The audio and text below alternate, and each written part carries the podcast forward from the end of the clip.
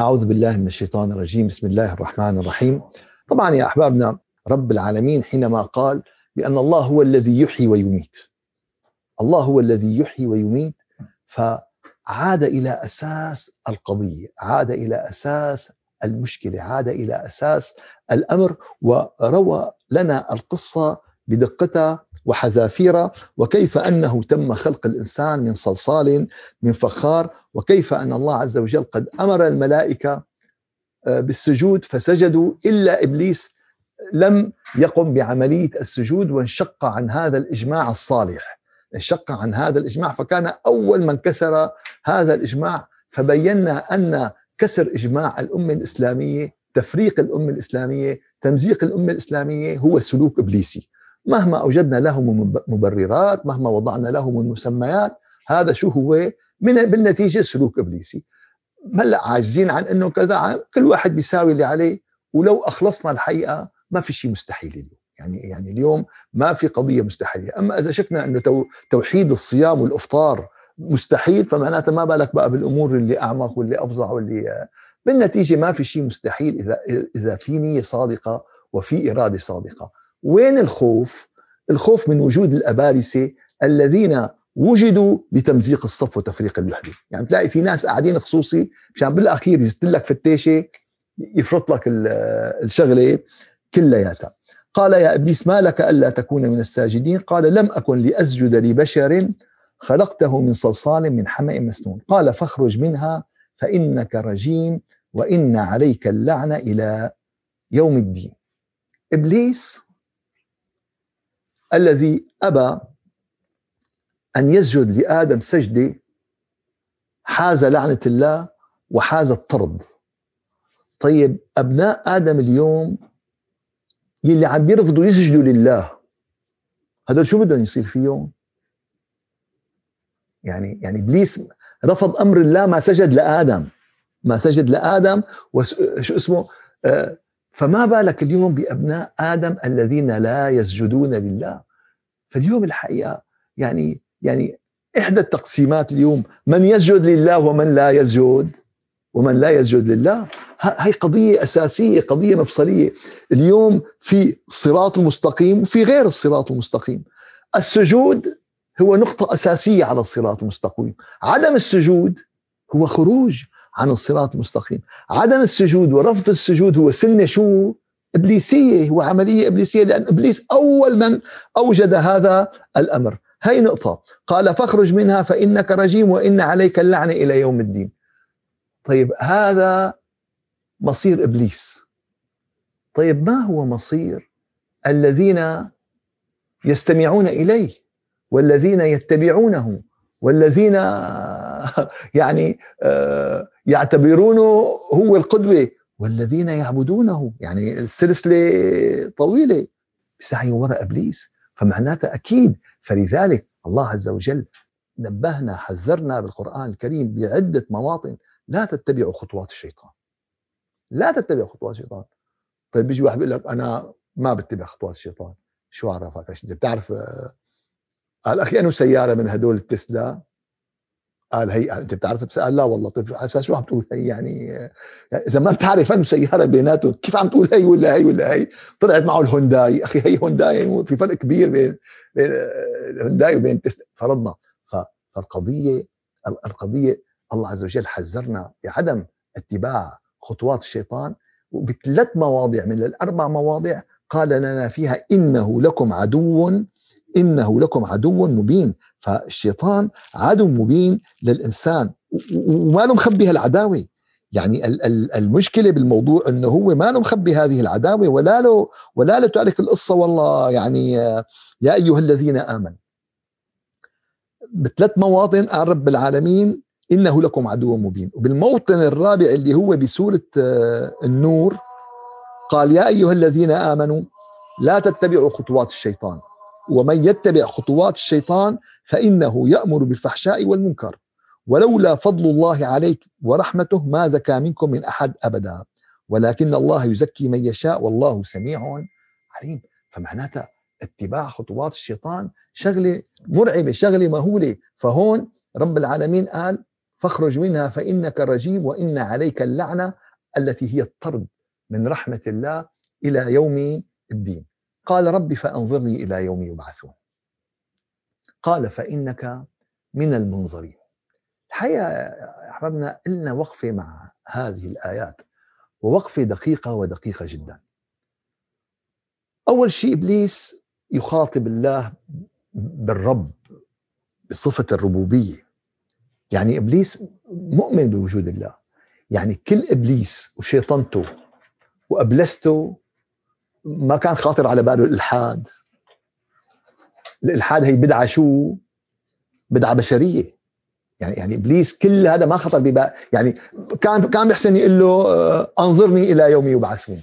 بدون ما يقول له ربي. أنت أنت المسيطر أنت المالك انت أما لما اعترف بالربوبية فهو اعترف بال... آمن بالله فقال ربي فأنظرني إلى يوم آه، يبعثون. قال فإنك من المنظرين. بدكم بدكم تحطوا ببالكم قضية وقضية كثير أساسية. أن إبليس عالم. إبليس شو؟ عالم. وكل تصرفاته تنبئ بأنه عالم. أول شيء قال ربي بعدين توجه إلى الله بطلب الإمهال لأنه يعلم أن الموت والحياة والإمهال بإيد مين؟ مو حدا تاني. لو بيعرف إبليس في طريقة تانية يحصل هالحكي. ما كان طلب من رب. فإبليس عالم. طيب كيف عالم وكذا؟ مثل ما قال لك الشاعر قال لك لو كان في العلم من دون التقى شرف لكان أشرف خلق الله إبليس. اليوم بتلاقي واحد عالم بس بتلاقي تصرفاته لك يا أخي اسمع خطبته ما أحلاها اسمع حديثه آه، شو اسمه اسمع. صح.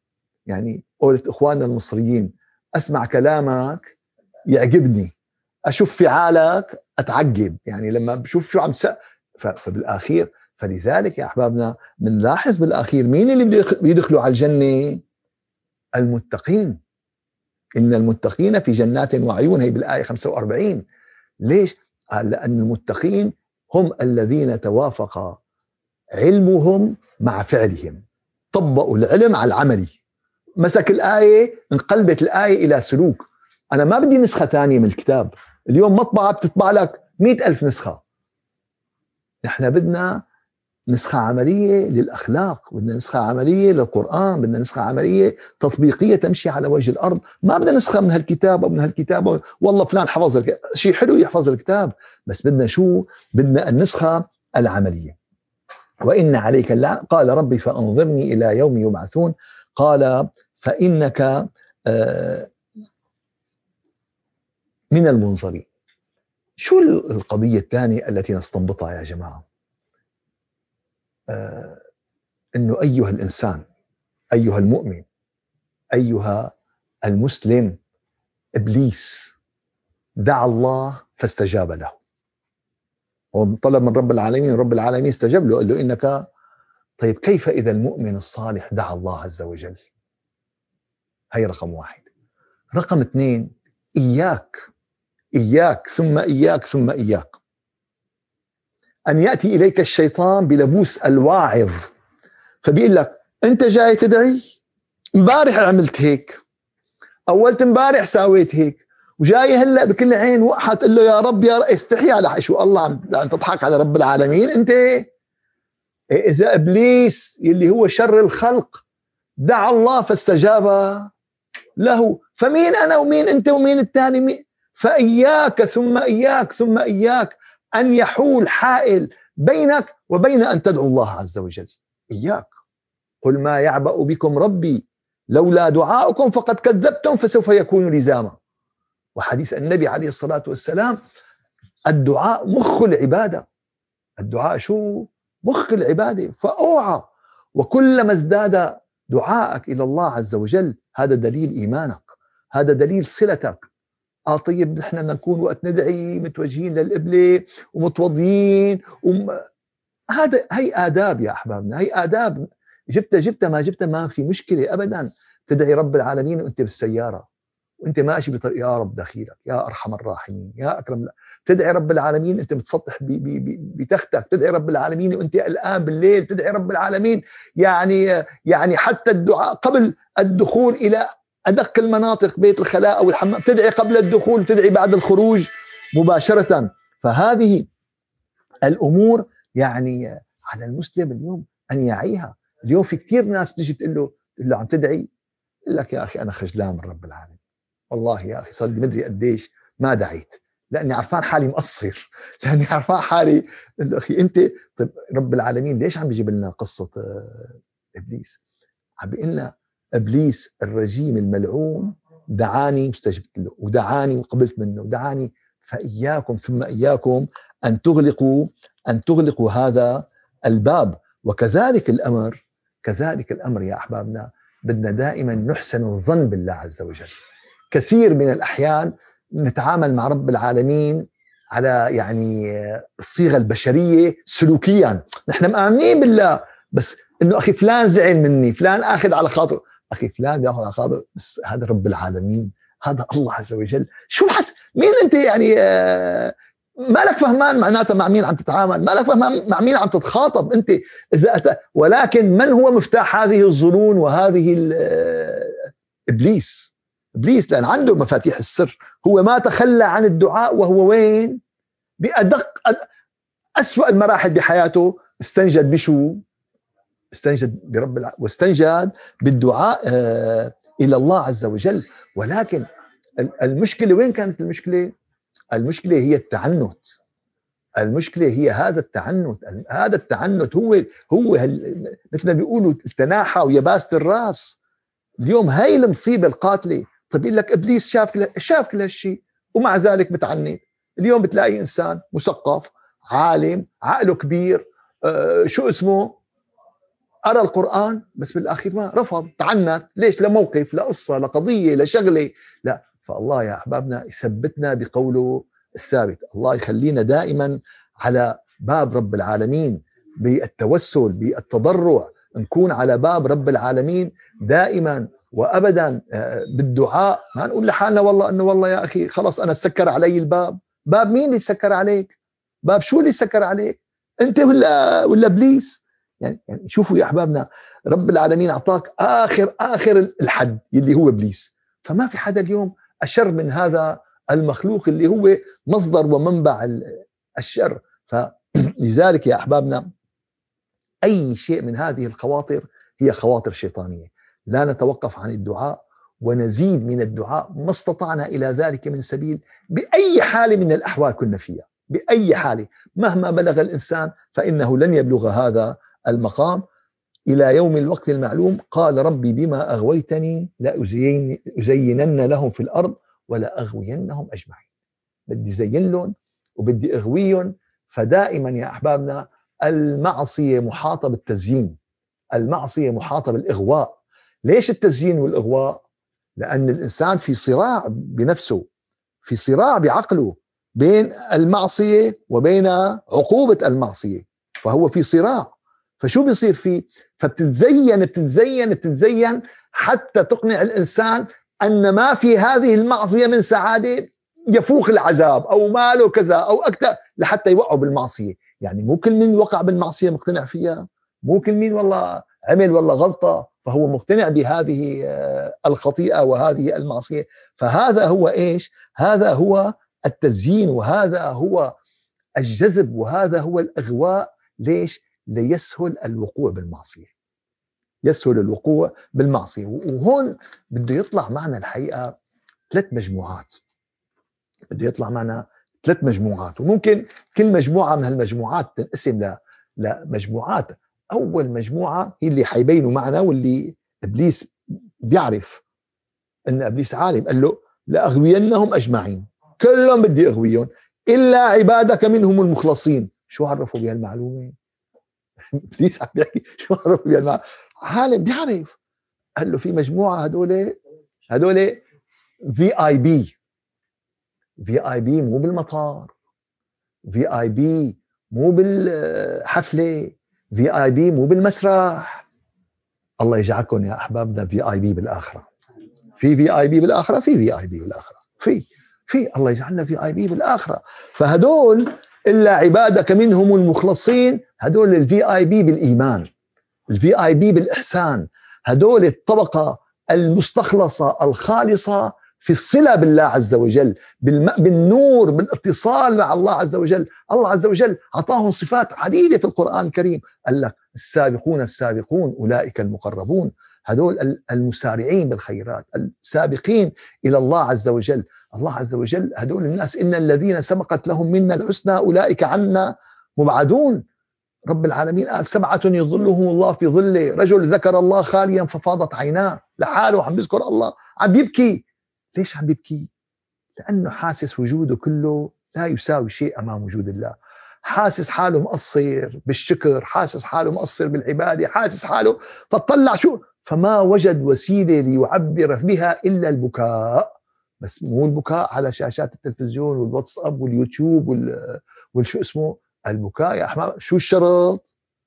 خاليا ما حدا دريان ما حدا عرفان. يا أخي شلون الأمة بدها بدها تنتصح وتقتدي من مرأة بطريقة أو بأخرى. هي أخي لي ساعة مع ربي لا يسعني فيها نبي مرسل ولا ملك مقرب في وقت خاص يكون بينك وبين الله عز وجل بالدعاء بالذكر بالعبادة. فأقسم أنه بده يغويهم أجمعين إلا مين؟ قال إلا عبادك منهم المخلصين. فهدول الناس يلي تميزوا. هدول طيب قال يعني بس الأنبياء والمرسلين؟ قال لا ميزت هذا الموضوع بأنه مفتوح. شو؟ الباب مفتوح. لأنت لقيام الساعة. لا تقل ذهبت أربابه كل من سار على الدرب وصل اليوم اللي بياخذ اتجاه مكة وبيسلك الطريق وبياخذ الطيارة الصح وبينزل بيوصل ولا ما بيوصل؟ بيوصل يا أحبابنا. واللي بده يروح على شيكاغو downtown بيوصل واللي بده كل من سار على الدرب وصل واللي بده يصير من المتقين فيه واللي بده يصير من الأولياء فيه واللي بده يصير من الصالحين فيه. واللي بده يصير طبيب فيه بيروح على كلية الطب والمهندس بيروح على كلية الهندسة. كل اليوم كل شيء. فطن لكل مصيبة في ماله وإذا تصبه مصيبة في دينه لا يفقه. بأمور الدنيا عرفانين كل الشغلة شلون طريقة. للآخرة ما بس دعاء. يا رب اللهم هيك عم فلذلك عم نضل شو؟ فلذلك عم نضل عم نضل بمكاننا وعم نضل بمحلنا. قال ربي بما أغويتني لا ازينن لهم في الأرض ولا أغوينهم أجمعين إلا عبادك منهم المخلصين. الله ذكر امثله عن سيدنا يوسف في القرآن الكريم أنه من عباد الله المخلصين. سيدنا موسى أنه من عباد الله المخلصين. ذكر عباد الله المخلصين في سورة الصافات خمس مرات. هؤلاء مثل ما قلنا الصفوة هؤلاء النخبة الذين تطهرت قلوبهم. طبعا هون أحيانا في ناس بيخلطوا أنه هل هم المخلصين هم المخلصين بكسر اللام؟ لا المخلصين يعني الذين تم انتقاؤهم. ولكن لا بد لهم أن يكونوا من المخلصين. يعني ما بصير واحد يصير أديب وهو ما بيعرف يقرأ ويكتب. ما بصير واحد يصير عالم رياضيات وهو ما بيعرف جدول الضرب ونظرية فيثاغورس ونظرية ثالث وعلم الجبر وعلم الهندسة. لاحظت؟ الإخلاص هو مرحلة توصل إلى الاستخلاص. فأخلصوا تتخلصوا. أخلص يكفيك القليل من العمل. أخلصوا تتخلصوا إيه؟ تستخلصوا. إذا أخلصت لله عز وجل وصار بقلبك ما في غير الله عز وجل وبوجودك ما في غير الله عز وجل وأصبح الله عز وجل هو الحبيب الأول في حياتك وفي وجودك أهم من أي شيء أهم من المرأة ومن الأولاد ومن البيت ومن السيارة ومن كذا فحينما يصبح العبد في هكذا فهو رشح نفسه لإيش؟ رشح نفسه للاستخلاص. ما زال عبدي يتقرب إلي بالنوافل حتى أحبه. فإذا أحببته صرت سمعه وبصره فبي يمشي وبي صار صلة مع الله عز وجل هذه الصلة العالية إلا عبادك منهم المخلصين. هون قال الله عز وجل هذا صراط علي مستقيم. شو؟ رب العالمين عنده صراط رب العالمين أموره على الصراط المستقيم. ما في عند رب العالمين. ناس بيحسبوها هيك بياخذوها. آه قال لي أخي مرة عم بحكي هيك مع جماعة قال لي قال لي ما عليك لا تحملها كثير شيخي فايتين فايتين على الجنة. والله أسهل عليه من سندويشه من ماكدونالد. الجنة أسهل عليه من شو؟ من سندويشه من عند ماكدونالد. يعني هنيك بده يروح ويدفع ويوقف وكذا. الجنة شايفة أسهل عليه من شو هذا شو هال... هاي جراءة على الله عز وجل يا أحبابنا. الله عز وجل وصف المؤمنين الذين يؤتون ما آتوا وقلوبهم وجلة. قالوا الرجل يزني ويسرق وكذا وهو قال لا بل الرجل يصلي ويصوم ويتصدق. وهو خايف من الله عز وجل. الله عز وجل قال يا احمد بيجي عندي أحيانا شخص بيقول لي يا شيخ أنا بدي أقول لك شغلة شو؟ قال لي أنا خايف من رب العالمين. خايف. ليش زعلان؟ ليش زعلان؟ هذا شيء منيح. هذا مؤشر شو؟ مؤشر إيجابي هذا. الله عز وجل قال في القرآن الكريم وخافوني إن كنتم مؤمنين. لما أنت مآمن بالله بتعرف عظم الله بتعرف آه، بتخ... طبعا بتخاف من الله عز وجل وبخاف من الله. وخافوني انك فهذا دليل الإيمان. هذا الخوف ما اجتمع خوفين وامنين على عبد. إن خافني في الدنيا أمنته في الآخرة وإن أمنني في الدنيا أخفته بالآخرة. ما في فطبعا مقام الله وعظمة الله بظل الإنسان خايف. لإمتى؟ والله يا شباب بدنا نضل خايفين لنسمع هالكلمة. أنو كلمة قال جايتنا هلا هلا بنسمعها. قال ربي بما أغويتني إلا عبادك منهم المخلصين. قال هذا صراط علي مستقيم. إن عبادي ليس لك عليهم سلطان إلا من اتبعك من الغاوي وإن جهنم لموعدهم أجمعين لها سبعة أبواب لكل باب منهم جزء مقسوم. وبالمقابل شو؟ بالمقابل في فريق ثاني إن المتقين في جنات وعيون. ادخلوها بسلام آمنين. الله يا شباب نضل خايفين. لنسمع هالعبارة من حضرة الله عز وجل. عندها شو؟ عندها ينتهي الخوف. ساعتها عرف إنه أنت هلأ خلاص. أما لقبل هي لقبل هي لسه أنت في خطر لسه أنت آه، محسوب عليك لسه أنت محاسب لسه. أما متى ما سمعت هذه فاحرص لنفسك أيها الأخ احرصي لنفسك أيتها الأخت. إنه شو؟ إنه تكون من ضمن هالهاء. إنه تكون من ضمن إيش؟ من ضمن هالهاء. وإياك ثم إياك أن تكون خارج هذه الهاء. شو إياك ثم إياك أن تكون خارج هذه الهاء. إذا كنت خارج هذه الهاء فكارثة وكارثة كبيرة. وإذا كنت ضمن هالهاء هي فيا نيالك ويا سعدك ويا أمانك.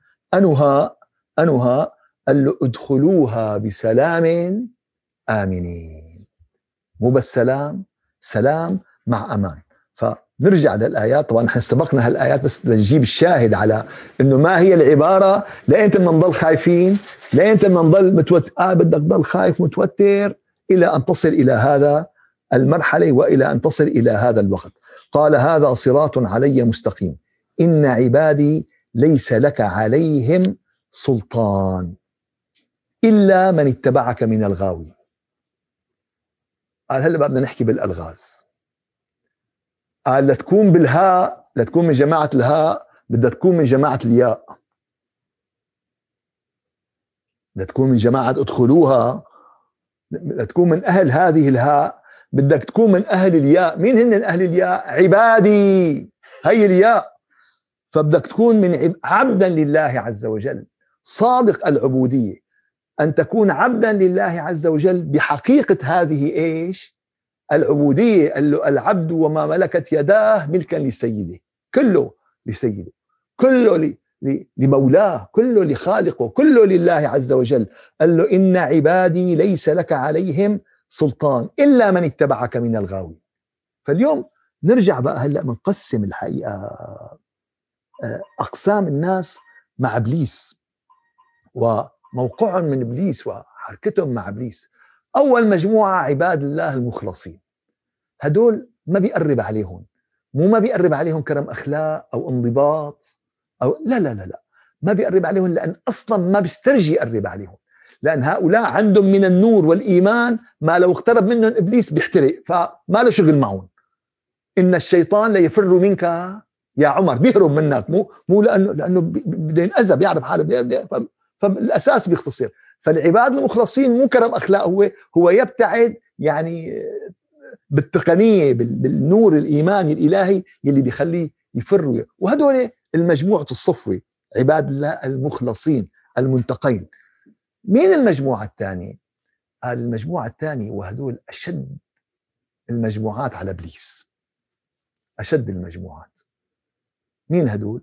قال هدول اللي بيجي إبليس بيتعب معهم وبيشتغل معهم وبيضل بيلعب عليه وبيلف وبيدور وبيزين له وبيطالع له وبينزل له ليوقعوا بالمعصية. إيه؟ قالوا بعد ما وقعوا بالمعصية بيرجع هداك بيقول لا حول ولا قوة إلا بالله. لعن الله الشيطان. الله يخزي. يا رب أنا تبت وأنا أنبت وأنا رجعت فبصير إبليس بيقتل إنه بعد كل هالتعب وهالجد. هداك ما تعب معه أصلا العباد المخلصين ما تعب بس هدول اللي بيتعب معهم. وكل ما بيذنب ذنب وكل ما بيحفر له حفرة وكل ما بيوقعه بمصيبة بيرجع أخونا بالله بيتوب وبيستغفر وبينيب. فهدول أصعب المجموعات على إبليس. وهدول أقسم الله عز وجل بهم قرانا لا أقسم بيوم القيامة ولا أقسم بالنفس اللوامة. تلوم صاحبها تراجع صاحبها. أما إياك ثم إياك. إنه والله وقعنا بذنب وقعنا بمعصيه هلا خليها ماشية لبكرة. أجل التوبة. خلينا ناخذ راحتنا بالمعاصي. خلينا ناخذ راحتنا بالذنوب. خلي لا أوعى. أحدثت الذنب أحدث له التوبة. أحدث له استغفار. قال له تضع الذنوب على الذنوب وترتجي. درج الجنان وطيب عيش العابد ونسيت أن الله أخرج آدم منها إلى الدنيا بذنب واحد. الله طلع سيدنا آدم بذنب واحد. ونزل بذنب واحد. ونحن عم نحط ذنب فوق ذنب فوق ذنب. ويا جنة افتحي أبوابك والشباب من أحبابك. فايتين حس فيها عراضة أو سيرانه أو والله عرس أو والله شو اسمه. فلا يا أحبابنا. فهذا الأمر إن عبادي ليس ليس لك عليهم سلطان. فالحقيقة يا أحبابنا لن تعرف حقيقة الحرية. لن تعرف حقيقة الحرية. لا في الدنيا ولا في الآخرة إذا ما تحققت بحقيقة العبودية لله. إيه شو هالحكي هذا؟ قال نعم. قال ليش؟ قال إذا كنت عبدا حقيقيا لله تحررت من كل قيد أو شرط. ما في شيء قيدك ما في شيء يشترطك تجي بتطلع بتلاقي بيقول لك شو؟ بيقول لك فلان والله يا أخي عالم كبير مخ. بس يا أخي عنده سوسة. شو السوسة تبعه؟ بيقول لك بيشرب ما بيحسبها إف طبعا مو عالم دين عالم فيزياء دكتور شا. قال له قال له مش شو؟ قال له إيه والله طيب تعال ما بتعرف إنه الشرب ضار؟ والله بعرف ضار طيب ما طالع بإيدي. طيب هذا يعني قهرته هالعادة ولا ما قهرته؟ قهروا المشروب ولا ما قهروا؟ ثاني مسكين بتلاقي بتلاقي عنده كذا عم بيحاول عم بيقاتل. عم بيقول لك ادعي لي الله هيك يفرج عن ادعي لي الله هيك يقويني على هالشغلة. تلاقي مسكين واقع بسوسة ال... يعني بيشرب يعني هلا صارت في حسب الولاية اللي هو فيها يعني حسب الولاية مسموح ولا ولا مو مسموح حسب الولاية.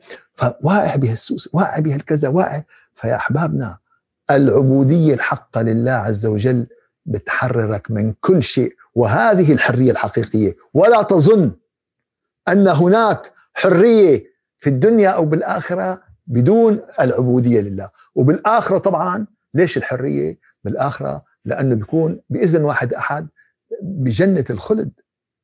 يعني آه، لهم في لهم ما يشاءون فيها ولدينا مزيد. وفاكهة مما يتخيرون ولحم طير مما يشتهون. هي حرية ولا مو حرية؟ كل الحرية. بينما بجهنم انه حرية؟ انه حرية؟ يعني آه، زبانية شداد ما. إذا بده ياخذ نفس ما هون فمن يخرج من عبودية الله يفقد هذه الحرية في الدنيا في الدنيا وفي الآخرة. وبقدر التحاقك بهذه العبودية بقدر نجاتك من إبليس. شو؟ بقدر التحاقك بهذه العبودية بقدر نجاتك بقدر نجاتك آه، من إبليس. و بهذه العبودية إن عبادي تحصل الشيء اللي كلياتنا نطمح له وبنرغب فيه تحصل الحصانة. شو بيصير عندك؟ حصانة. من مين الحصانة؟ من رب العالم إن عبادي لا مين أعطاك الحصانة. حصانة من إبليس. الذي أعطاك الحصانة هي من الله. إن عبادي ليس لك عليهم سلطان. فوالله يا أحبابنا لولا هالياء هي كنا هلكنا. لو ما في هالياء عبادي ولكن هالياء حينما نسبت إلى حضرة الله عز وجل حينما نسبت إلى القوي العزيز المالك الخالق البارئ اختلفت المعادلة. إيش؟ اختلفت المعادلة كلياتها. وهذا المعنى من العبودية اللي ذكرنا هالنقط له يا أحبابنا هو يتحقق بالتعوذ بالله من الشيطان الرجيم. مشكلتنا اليوم نحن شو بنعتبر التعوذ؟ قضية بسيطة أعوذ بالله من الشيطان الرجيم. لا يا أحبابنا التعوذ أنني يا رب ألتجئ إليك بكل وجودي بكل كياني وأنا أعلم وأشعر أن لا ملجأ لي من هذا المخلوق الشرير إلا أنت يا الله. يرانا من حيث لا نراه شايفنا وما شايفينه. عنده معلومات عنا من قبل ما نخلق من الصلصال والفخار. مين فينا شهد الصلصال والفخار؟ مين فينا؟ فعنده عنده معلومات كاملة عنك. يعني قديش اليوم يعني في ناس عندها معلومات وعندها ملفات هو عنده أكثر شو؟ عنده أكثر يعني لا هدول ولا هدول قد ما حطيت أسماء هيك أحرف مقطعة وأحرف كذا. عنده أكثر هو. عنده أكثر عنده ابدا كل المعلومات من زمن سيدنا آدم. لا. شافك شلون عم بتفكر شلون عم بتخطط شو مكشوفين قدامه. طيب قدام هيك عدو. وأقسم أمام رب العالمين بده يزيننا وبده يغوينا وبده قال لك اللي بينفذوا العباد المخلصين هالمجموعة هدول نافذين. أما الباقية كلهم وقعانين تحت هذا ال ال الإغواء وتحت هذا التزيين فقدام هيك عدو شو بدك تساوي؟ شو بدك تعمل؟ فلذلك ما لنا غير الالتجاء لرب العالمين. فأعوذ بالله من الشيطان الرجيم يا أحبابنا والله لا تقدر بثمن. أعوذ بالله من الشيطان الرجيم بدك تقولها بوجودك بحضورك بشعورك. فإذا قرأت القرآن فاستعذ بالله من الشيطان في أعظم من قراءة القرآن فاستعذ بالله من الشيطان الرجيم. لذلك التعوذ بالله من الشيطان الرجيم نعلم لأولادنا بحقيقتها. مو والله أعوذ بالله الشيطان الرجيم. مشكلتنا العادة تبعنا طغت قتلت المعاني قتلت أهمية هذه الأمور. فصار أعوذ بالله الشيطان الرجيم. بسم الله الرحمن الرحيم. يا حبيبنا أنت بتعرف شو أعوذ بالله الشيطان الرجيم؟ مدرسة أكاديمية حماية لك إذا قلت بحقيقتها وتلبستك أنوارها لن يستطيع الشيطان ان أن يصل إليك. أنت التجأت إلى الله وتعوذت بالله عز واستعذت بالله عز وجل. تحضرني قصة لي قصة يعني بمنتهى الروعة. سبحان الله القصة هي تركت يعني في نفس الأثر. ومن قصص الجاهلية. كان في شاعر يسمى السموأل. وكان السموأل مثل أمير وعنده مثل قلعة وكذا. فالتجأ إليه فار. شخص هربان فدخل هالقلعة والتجأ لعنده. بعد شوي ما بيلاقي غير جايين ناس عم بيطاردوا هذا الرجل بالدنيا. بالدنيا لياخذوه ويقتلوه. قال له ما بعطيكم إياه. ما زلمة التجأ لعندي واحتمى فيني. ما بعطيكم إياه. فبهالأثناء كان ابنه برحلة صيد خارج القلعة. فمسكوا ابنه. اعتقلوا مين؟ ابنه. يعني هذيك الأيام هالقصص من أيام الجاهلية بتصير الشغلات. فمسكوا ابنه. قالوا له يا يا بتسلمنا الشخص اللي عندك يا بنقتل ابنك. شو هالخيار هذا الحلو؟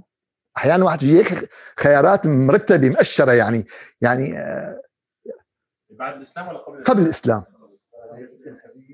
ف فقال قال له قال له يعني واحد من اثنين نقي فأنشد يعني أبيات من الشعر الحقيقة من أروع ما أنشد من الشعر. قال له قتل وغدر.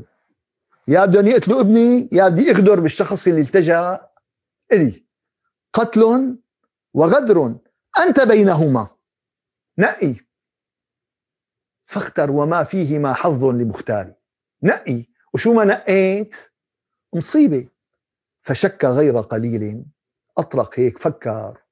فشك غير قليل. ثم قال له اقتل أسيرك إني مانع جاري.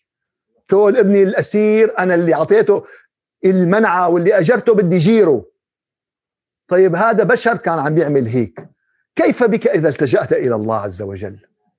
كيف صادقا محتسبا داعيا بقلبك له أعوذ بالله يا رب أنا بدي بدي إياك أنت تحميني من الشيطان الرجيم.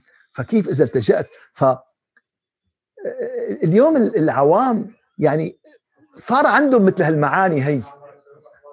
وصار عنده كان كان الزقرتاويه بالشام. ما بعرف إذا هالقصة موجودة بمناطق أخرى. كان يجي له ايدي بزنا طبعا قصد الشام بلاد الشام. بس ما بعرف إذا ببلاد ثانية موجودة. وعليكم السلام ورحمة الله وبركاته.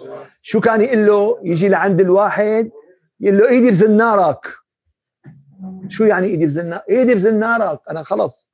داخل خلص يقول له شو بدك؟ فكان هاي الاستجارة بالبشر لها قيمة كبيرة يا أحبابنا. وين؟ كان هالعزة وين هالأنفة وين هال يوم يوم ال ال الإمرأة العربية اللي أسروها الروم. فصرخت ومعتصماه إيه؟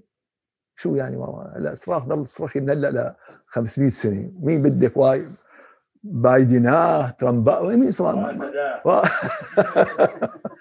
ف ومعتصماه فصرخت ومعتصماه ما ما ما ف فشو قال للروماني؟ قال له خليه يجي على فرس بلق بيض وينقذك المعتصم. فلما دري المعتصم ما رضي إلا ذهب وأنقذ هذه المرأة وخلد. شاء قال له السيف أصدق إنباء من الكتب في حده الحد بين الجد واللعب إلى آخر الأبيات. فأنا شاهد يا أحبابنا هذه مواقف بين البشر.